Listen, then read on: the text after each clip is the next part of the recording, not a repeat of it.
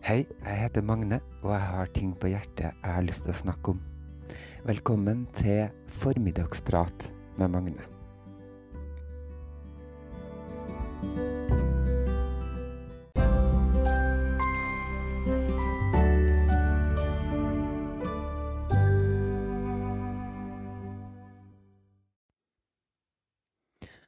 Lavtrykket har ligget som et sånn tungt og klamt teppe rundt meg de siste dagene, altså. Så nå holder jeg på med den øvelsen og så prøve å liksom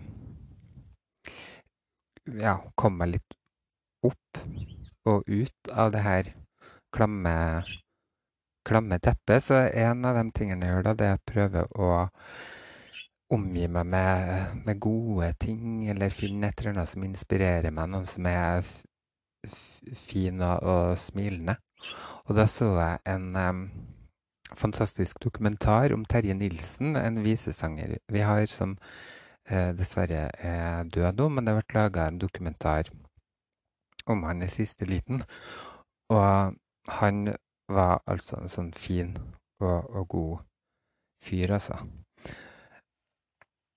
Og ja, han sa blant annet at når han fikk spørsmål om eh, eh, hans forhold til musikken, så sier han at for mitt forhold til musikk, hvis du spør meg om det, så blir det som å spørre fisken hva han syns om havet. Det er ikke noe å synes noen ting om, det bare er der, det fins overalt, sier han.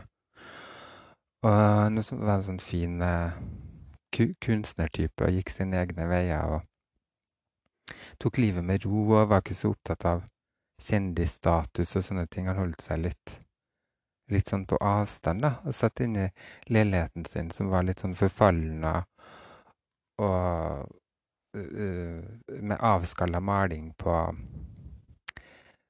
på kjøkkenet og, og, litt sånn. Men han, han tok det helt fint, da. Og sa så mye fine ting. Sånn som at nåla i veggen er mi, og livet har landa med smørsida opp eh, sier han da, for da hadde han begynt å få litt eh, energien tilbake etter, eh, etter mye drikking og alkoholisme, så han holdt han på å komme seg ut av det, da. Og, og snakka om det her med Når han fordypa seg i tekstskriving og, og, kunsten sin, så sa han det at uh, når man er så heldig i livet at man um, får en sånn godarta besettelse, så er du redda, altså, sa han. Og han holdt på å flisespikka på noen tekster om han skulle bru bruke da eller når eller der og, og sånn. Og når han fant det riktige ordet som passa den setninga, så den fikk den uh, betydninga og, og, den formidlinga som man ønska, da, så sier han at det er jo det som gjør livet verdt å leve, de der barnslige små tingene der, sier han. Og det, det, ga meg glede å se, se, på Terje Nilsen og hans eh, tanker og, og, tekster, og han var så fin, altså. Og så er han jo litt sånn små, smågrov og halvvulgær, og, og, det var jo også fantastisk morsomt, da. Eh, jeg slutta med kvinnfolk og lagt kuken på hylla sin. Og så spør journalisten ja, runker du ikke engang, da? Nei, faen heller. Å få start på det der udyret alene, det går ikke, sier han. det syns jeg også var nydelig.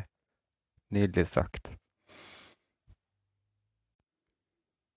Og en annen person som fikk meg til å smile litt, det var Britt Weile, som er en eh, papirkunstner. Hun bretter papir og klipper ut uh, sirlige, nydelige bilder, da. Det er helt utrolig å skjønne hvordan det går an å få det til.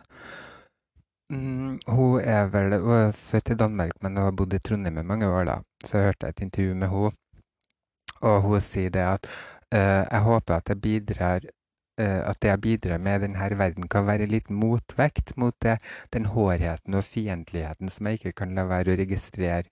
Så ja, det håper jeg virkelig. Og mitt sverd er ikke å fortelle om en grusom verden eller vise alt det negative. Tvert imot. Jeg ønsker å sette fokus på det positive. Og det kan virke naivt, men so what? sier jeg. Og det var også forfriskende og, og deilig. Og så la jeg også merke til en nydelig uh, skjønn gutt da, på Lindmo. Det var Ruben, han artisten. Jeg har hørt uh, sangene hennes før, bare spilt på radio og sånn. Men da var det intervju med henne, jeg fikk uh, se litt mer. Og, og, han var jo så flott og rolig og, og, og det var så deilig å se en artist som bare ja, var litt sånn ekstra nedpå, da. Hadde litt sosialangst og var veldig forsiktig og, og mild og fin. Uh, så det jo ga meg glede å se på han. Og at jeg skjønte litt mer av sangene hans og hva det kom fra, hva han skrev om. At 'Lay by me' ikke handla om at man vil ligge med noen, men at, den, uh, at det handla om faren hans som var sjuk, tror jeg. Uh, en sånn sånn godhet og kjærlighet inn som handler om mer enn det seksualiserte som vi blir Jeg føler da i hvert fall at man blir bombardert litt med eh, for tida, men som heldigvis også begynner å få litt mer eh, hva skal jeg si, blir litt mer nyansert og finner at vi kan snakke om litt andre ting også, også i media, da. Eh, ja, det syns jeg er fint. En annen ting som jeg kom til å tenke på det var når jeg så Terje Nilsen, så hadde han tekst-TV-en stående på da. Og for mange nå til dags, så kanskje, kanskje det er mange som ikke vet hva tekst-TV engang er for noen ting. Men det er altså en sånn tjeneste på, på TV-en der du kan se nyheter, f.eks., for og forskjellige sånne. Og så eh, en blanding av det at jeg plutselig begynte å tenke på denne tekst-TV-en. Så så jeg også et innslag fra Farmen, fra den første Farmen-episoden, da, 2001, tror jeg. Med, der Gaute Grøtta Grav uh, vant og sånn. Og da kom det til meg en historie som jeg nesten hadde glemt, og som er, er noe av det rareste, sprøeste jeg noen gang har opplevd. da. Blanding av tekst-TV og den første Farmen-episoden.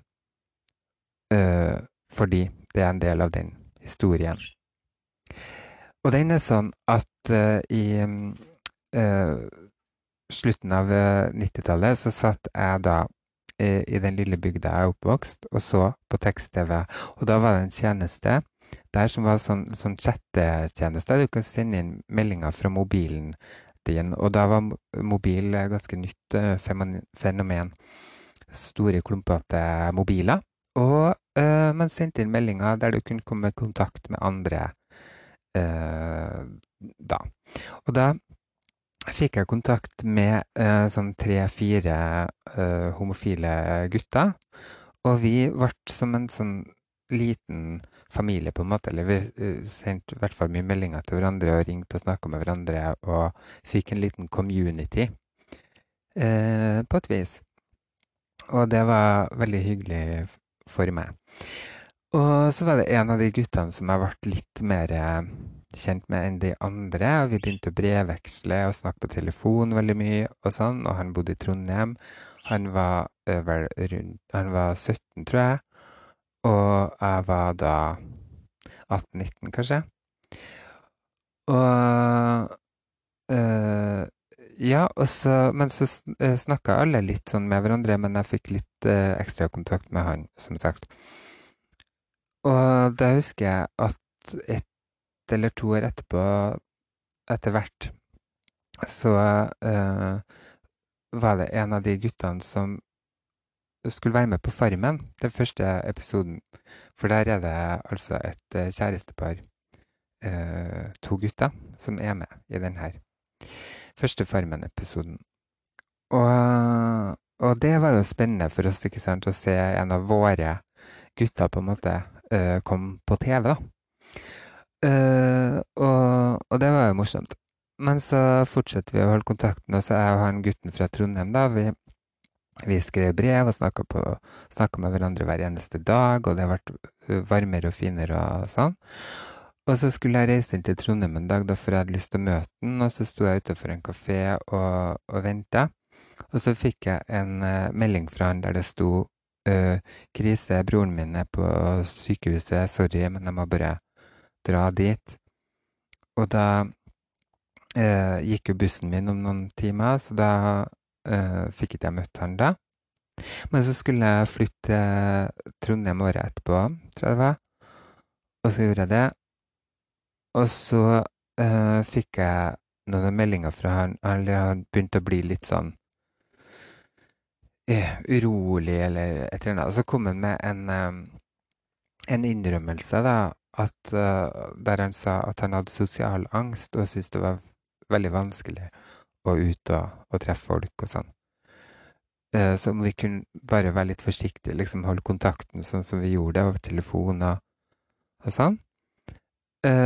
Og så skulle han prøve å pushe seg sjøl, at vi kunne treffes. Og. og så tenkte jeg ja, men det er nå greit, liksom. Jeg skal nå ikke tvinge noen til, til, noen ting, men jeg hadde veldig lyst til å møte ham, så jeg prøvde å pushe på og invitere til teatret. Han var veldig opptatt av det. og og, og sånn, så jeg syns jo det var, det var, litt rart òg. Men, men, etter hvert så ble det bare greit, og jeg aksepterte at, at han ikke uh, ville møte meg, og jeg skulle bare la han få lov å få tid. Men vi snakka på telefonen og skrev nydelige brev til hverandre, og, og det var et veldig sånn fint og varmt vennskap utvikla det seg til, da. Men så var det en dag at det var en, eh, en av de andre guttene som vi hadde kontakt med, uh, som sendte meg en melding om, om at uh, Ja, at det var en av de som har stussa litt på han der, han som jeg driver og, og snakka masse med, da. Og også hadde lyst til å møte han, og, og syntes det var rart at han, at han ikke ville møtes og sånn. Så han hadde blitt irritert, og så hadde han bare reist til den adressen hans, da, for vi hadde jo adressen hans. Og, um, og bare gått og banka på døra. Og da var det en som hadde åpna. Det var en 50 år gammel mann. Og, og, så tenkte jeg hva Nei, altså, det må jo ha vært uh, faren hans, eller altså et eller annet. Men så fikk jeg også høre det at, uh, at en av de som han hadde brevveksla med. Siden Farmen nå har gått på TV, så, så varte jo han et kjent ansikt, han, han, gutten som var med i Farmen. Og da var det en av de andre guttene som har fått et bilde av han her, som jeg snakka med, han fra Trondheim, da. Og det bildet var av han uh, gutten fra, fra Farmen. Og da ble det jo litt rabalder og litt styr, pluss at han eh, andre der har vært på besøk til og det var en 50-åring som åpna, og etter hvert så var det noen som sa at det faktisk var han, at det var en 50 år gammel mann som bodde hjemme i sokkelleiligheten til foreldrene sine. Og jeg klarte jo ikke å forstå det. Jeg syntes det var helt uvirkelig og merkelig opplegg, da. Eh, men til slutt så klarte jeg å konfrontere han gutten her, da, med det. Og så innrømte han det. At han var 50 år. Og da har vi hatt kontakt nesten daglig i to år, faktisk.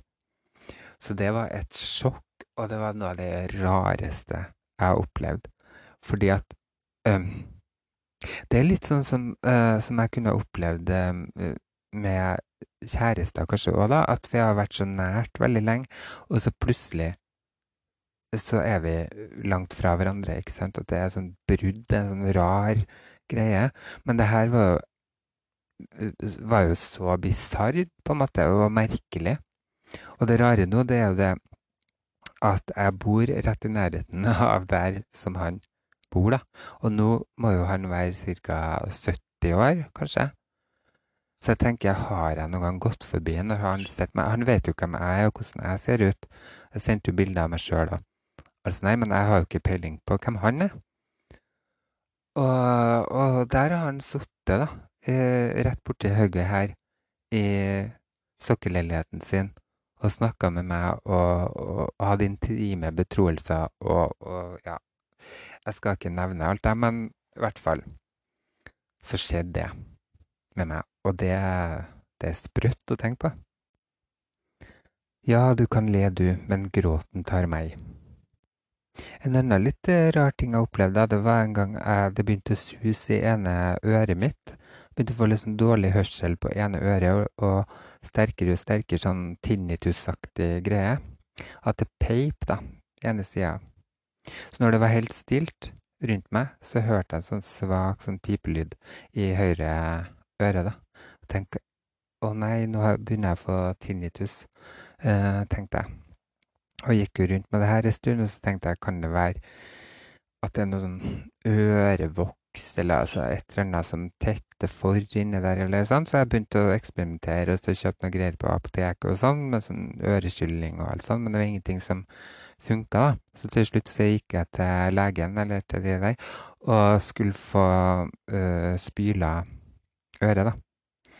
Og så um, kom de med en sånn der høytrykksspyler, holdt jeg på å si, og skulle uh, spyle ut av all driten i øret mitt. Um, men så skjedde det ikke så veldig mye da. Det løsna litt, sånn, men det var, det var, liksom ikke noe stort som skjedde. Men like før de holdt på å gi opp, da, så, det, så, så hørte jeg et lite sånn knekk inni hodet. Og så tok jeg et sånn pinsett annet og langt inni øret mitt. da. Og så dro jeg ut fra uh, langt inni hodet mitt en uh, sånn øreplugg. For det pleide å bruke når jeg, når jeg skulle legge meg om kveldene noen ganger. Hvis jeg trengte ekstra stilt, så hadde jeg sånne skumgummigreier da, som jeg putta inn i ørene. Og den der har forsvunnet langt, langt inn i hodet mitt og ligget der og blok blokkert og laga sus og trøbbel. da. Eh, eh, det var altså ganske sprøtt. Ja, det er mye rart man skal få lov å, å oppleve. Nå har jeg altså vært, hatt det dette tunge lavtrykksteppet over meg, men jeg prøver å tenke at over himmelen Nei, hva sier man? Over skyen så er himmelen alltid blå. Every cloud has a silver lining. Når det er som mørkest, så tenner stjernene og, og alt det der. Så det er jo en trøst, eh, i det minste det, da. Men for noen dager siden så hadde jeg den der, og jeg klarte klart å komme meg ut da, og få lufta hodet. Det hjalp faktisk litt. Da gikk jeg meg en tur i um, Den botaniske hagen borti um, området utafor her, da. Og da gjorde jeg meg noen refleksjoner og tanker mens jeg var ute og gikk. Og det skal du få høre nå.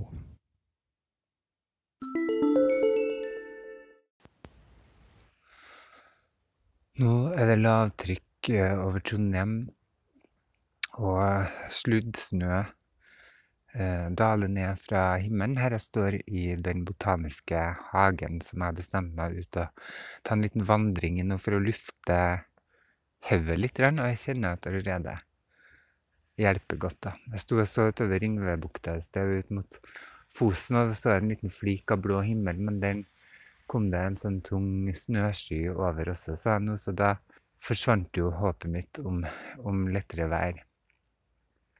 Og den tyngden brer seg litt sånn over meg i dag. Men så tenker jeg at det er en tid for alt. Og i dag så er det en tid for, uh, for lavtrykk. Og så kjenner jeg at jeg, jeg, blir veldig følsom når det er sånn her type vær. da. Ligger litt mer eh, tilgjengelig.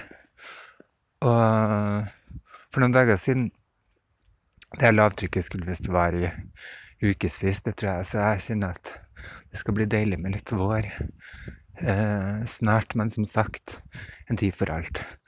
Ja, jeg satt og skulle lese litt i Bibelen, fordi at jeg holder på med et sånn bucketlist-prosjekt der jeg skulle lese Bibelen fra perm til perm. Og og da eh, eh, var det litt eh, litt sånn tungt og kjedelig til meg, så jeg la fra meg den da. Og så plugga jeg i hodetelefonene og satt på en Åge Aleksandersen-sang. For jeg har nettopp sett han på TV-en dagen før, og Hanne Bohl har laga en sånn nydelig versjon av en duett som han har eh, Som ikke er så lenge siden han laga, da. Som heter 'Tenk om', tror jeg. Og det den har jeg jo hørt noen ganger på radioen og tenkt at det er en nydelig kjærlighetssang. For i refrenget så synger de om det var oss to, så tenkte jeg at da synger han om Tenk om det var oss to da, som ble kjærester, liksom. Men så hører jeg etter på teksten, og så går den sånn eh, Tenk hvis det var du, min kjære, om det var oss to i en spinkel båt på åpne havet. Hvis det var oss to. Og så bare spruta tårene ut av øynene på meg, og jeg kjente at jeg bare tok innover meg uh, alle verdens uh, sorger, da. Og jeg så for meg de her båtene ute på havet med, med flyktningene, og hvordan det var å være der og sånn. Og så uh, og, og, mange ting folk jeg, jeg kjenner, og jeg, jeg kjenner jo noen flyktninger også. Og, og så kom det jo andre tanker og sorger bare opp. Og det samme har det gjort litt i dag, da, at jeg måtte gått og kjent litt på, på de forskjellige eh, sorgene. Men jeg tenker at det er noe godt med det og Jeg må få la, lov å la det, og la det få lov å komme. Og, og kjenne litt på det, reflektere litt over det. Sånn, så kan man lure på er det, er det her mm, empatiske eh, trekket, da, som, er, som, man kanskje kan kalle det? eh, siden at jeg tar inn over meg mennesker sine sorger inn på meg. Er det til nytte, eller er det bare liksom og det å synes synd på det kan, det kan nesten være litt frekt. Det å synes synd på det stammer jo fra en tid der de tente et bål, og, så, og røyken eh, fra det bålet, da, når det ramma et Eller uh, dro seg mot et hus, så var det der de var syndige, da. At det var uh, noe synd i det huset, eller et eller annet. For før i tida så hadde man jo også den tanken om at hvis noen ble syk, eller hvis det var eh, noe som ramma dem, så var det fordi at de hadde synda da, mot Bibelen og sånn. Um, så det å synes synd på, det stammer fra noe litt sånn som jeg ikke syns er helt bra. Pluss at også den der når du får fra noen 'Å, stakkars deg', å Sånn så kan det være litt godt og fint, men samtidig kan det også være litt irriterende eller litt frekt at du blir gjort litt liten. da. Fordi at uh, uh, Det trenger man ikke. Man trenger å bli, heller bli støtta og hjulpet, hjulpet framover, på en måte. Uh, eller at man bare skal få lov å være litt i fred, kanskje òg, da. Men, men ikke i hvert fall blir gjort liten. Og 'Å, stakkars deg'. Det hjelper ikke så veldig mye, da. Selv om det, det kan være litt koselig òg, uh, på en måte. Men uh, ja, her, det her såkalt empatiske trekket gjør det, gjør det noe nytte for seg. Jeg husker også at når jeg var yngre, hver gang jeg drakk litt alkohol, så var det noen som fant meg i en eller annen krok med teppet over meg jeg lå og gråt. Gråt hver eneste gang jeg drakk. Og så var det noen som spurte meg men Magne, hva, hva er det du griner for, da? Og så sa jeg noe sånt som Nei, men barna i Afrika og, og sånn, det er jo så mye vondt i verden, liksom. Uh, og det har jeg jo flira litt av i ettertid, og jeg tenkte at uh, Nei, det var nok noe sånn underliggende eh, Underliggende greier som handler mer om meg sjøl og sånn. Som kom til overflata da. Men så Jeg begynte å tenke det siste Det er ikke så sikkert, det. det. Kanskje det var det her empatiske som jeg også kjenner på nå, da. At det kan bare strømme over meg. At jeg tenker på de i de små båtene ute på havet. Eller dem som ikke har det så bra, da. Og Ja, at, at det er det. Det er trekket mitt, det som man kanskje kan kalle det empatiske trekket. Um, men uh, Harald Eia snakka om det her en gang, husker jeg. At de driver og måler sånn personligheter. The Big Five og sånn. Og om man er empatisk eller ikke, om det er bra eller dårlig, eller sånn. Og så sa han uh, et eller annet med at noen mennesker er mer sånn handlekraftige. At de, faktisk, at de ikke nødvendigvis er så empatiske, men de kan handle og få ting gjort. Og det kan jo være til mer nytte enn at du sitter og føler og kjenner og gråter. Eh, ikke sant? Men så tenker jeg at vi har alle våre styrker, og kanskje min styrke er det å, å være god med folk, da, kanskje. Kanskje det kan være en egenskap, selv om jeg ikke er så handlekraftig og får gjort så veldig mye, så, så føler jeg i hvert fall med og er liksom uh, Ja, har mye kjærlighet og vil folk godt. Men jeg må innrømme at jeg kjenner litt på det der noen gang med handlekraft. At jeg ikke er så god på det. Jeg kanskje får litt dårlig samvittighet og, uh, og sånn, da. Og så, og så hørte jeg også en fin historie på radioen i dag. da.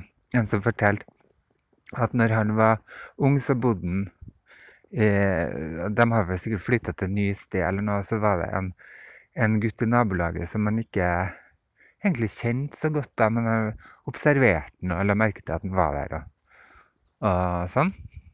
Men hang ikke med henne uten å, sånn, uten å uttale seg. Men uh, så kom han på skolen, og så ble han uh, mobba av ungene der. Uh, og så sto de og kasta lua hans mellom seg. han var fortvila og, og hadde det ikke så bra. Og så kommer plutselig han nabogutten som han bare hadde observert, lagt merke til. Han var stor og kraftig. Tok tak i den uh, største av de guttene som mobba. Løfta han opp og sa 'ikke kødd med kameraten min'.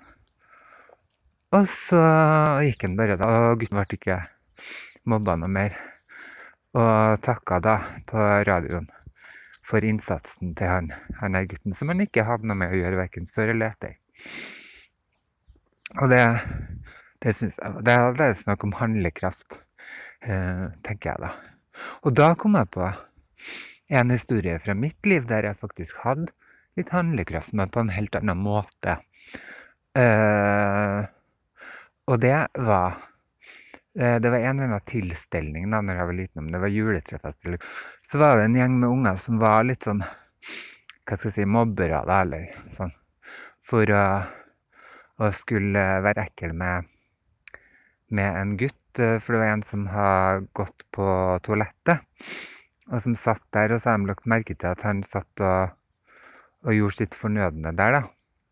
Og så har de klart å lirke opp uh, dodøra, sånn at de reiv opp den, da, så satt han der uh, og skjemtes, ikke sant. Og han skvatt jo opp på lettet, og så ramla det ekskrementer på, på gulvet, da.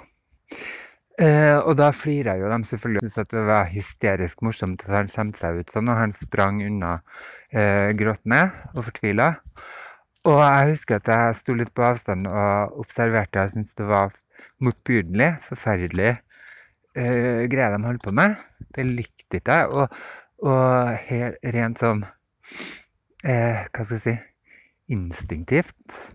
Nærmest så sprang jeg bare bort til toalettet, fant uh, papir, fikk tørka opp greiene som var der, som en annen sykepleier, og da var jeg kanskje jeg vet ikke, ti år eller noe sånt. Og, og fikk det unna, uh, og da sto selvfølgelig den gruppa med, med unger og flira av meg, da. Og, og jeg også kjente litt på, på skam. At det var jeg som gjorde noen ting feil, for det var jo selvfølgelig ekkelt. å, å tørke opp. Men tenker jeg, for ikke jeg.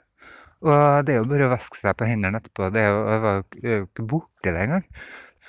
Uh, den der mentaliteten av å gjøre narr av å være ekkel med folk uh, over noe så dumt, som er bare altså helt sånn naturlige ting som alle sammen gjør. At de skal, skal på toalettet la noen folk være i fred. Jeg kjenner at jeg, jeg ble uh, veldig engasjert og sånn uh, av det. Og når jeg snakker om det nå òg, så, så, er det noe forstyrrelser der. Også. Og det kan jeg merke litt på på mediebildet òg, f.eks. At du har mobbere der òg, og noen utgir seg for å være humorister eller politikere eller hva det skulle være. Og så oppstår det litt sånn mobbekultur, da, at man skal påpeke feilene og raritetene til, eh, til andre. Og det er ikke alltid man setter seg ned og lytter og snakker eh, ordentlig om ting. Det er liksom ikke tid for, for ting skal være så jævlig morsomt eller ironisk eller komisk eller teit. Og det, at det skal være så gøy, da. Og det kjenner jeg at jeg kan bli litt grann provosert av. Men det skal jeg ikke bruke så mye av podkasten min til, for den eh, skal jo egentlig være fri for sånne ting. Det har jeg bestemt meg for. Jeg skal ikke snakke om hårfestene til folk og, og, eh, og de der tingene, det kan du jo bare gå inn på andre podkaster og høre på, tenker jeg da. Men av og til så må jeg bare lufte meg litt og, og sånn. Så i dag så kom, så kom de her eh, tankene smygende innover meg.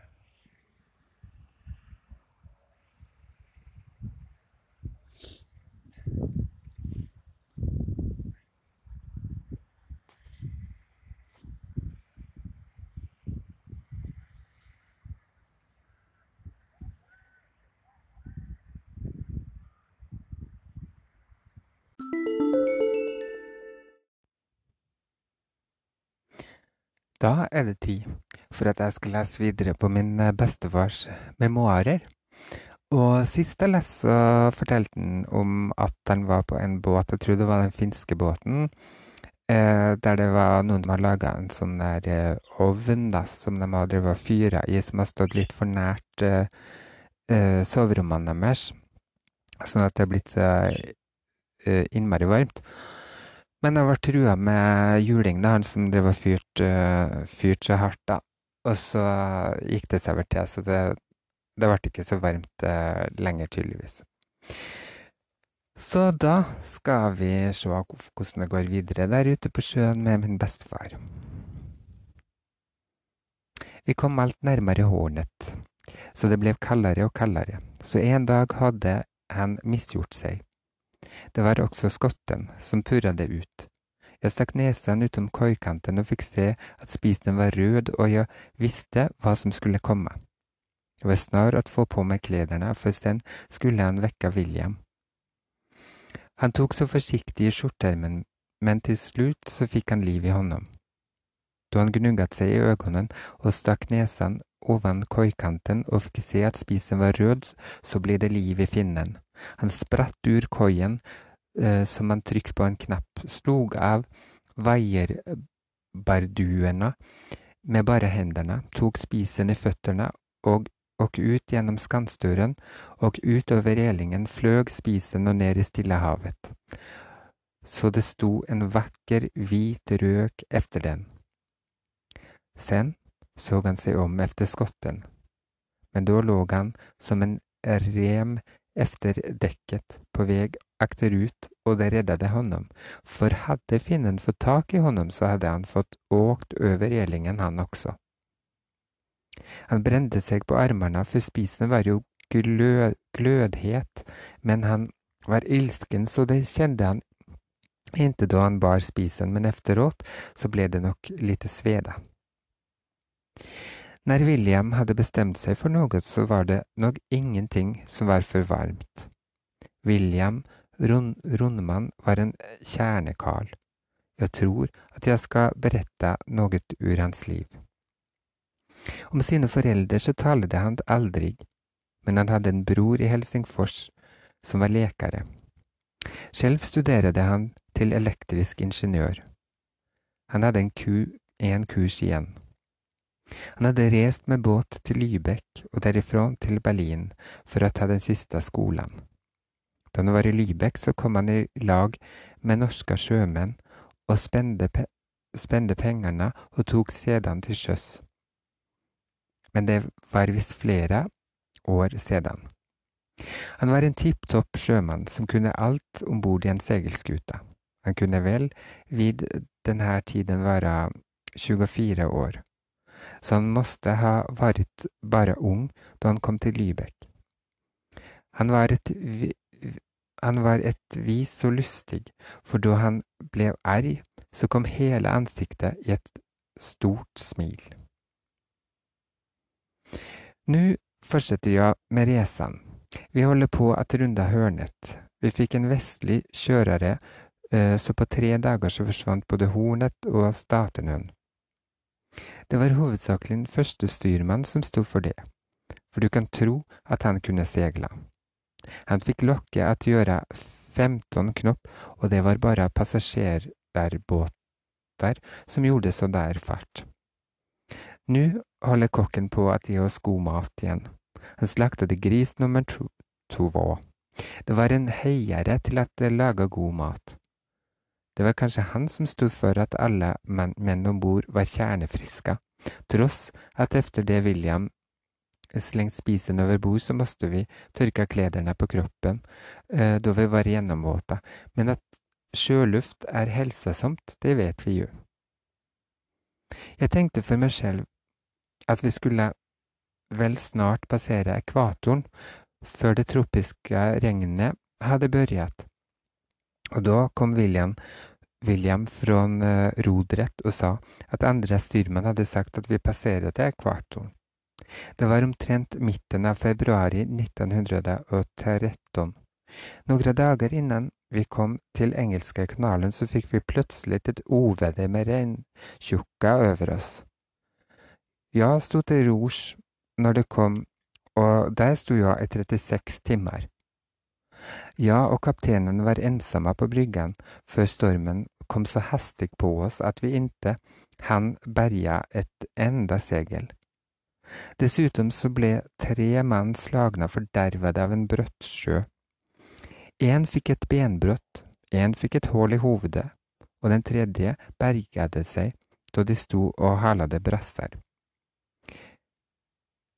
Da de så Brottsjøen komme, så ble de redda, og i stedet for å krype under nagelbenken, så slepte de brasserne og sprang sin vei, og da sto en sjø da tok en sjø dem og slog dem bort i rennstenen.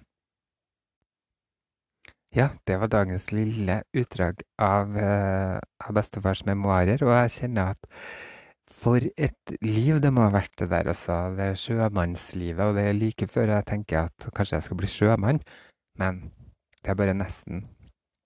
Jeg tror nok ikke det kommer til å skje.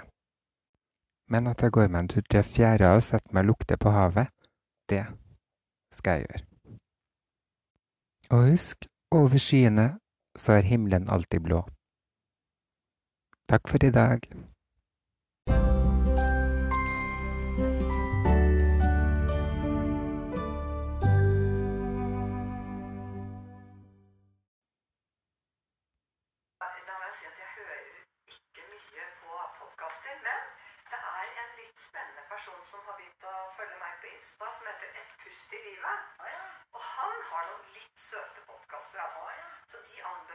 Så gå inn og følg Et pust i livet. Ja, Ikke i sivet, men i livet. Nei. Så, så, det er kanskje egentlig min ah, da.